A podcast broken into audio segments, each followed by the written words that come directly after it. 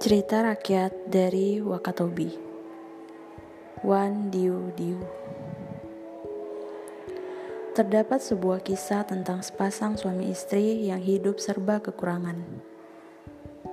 Setiap hari, sang suami kerjanya hanya mabuk dan judi, sedangkan istrinya menenun. Mereka memiliki dua anak lelaki yang perangainya berbeda satu sama lain. Anak yang sulung mewarisi watak ibunya yang penyabar, sedangkan yang bungsu seperti watak bapaknya, tidak sabaran. Suatu ketika, sang suami pulang ke rumah dalam keadaan mabuk.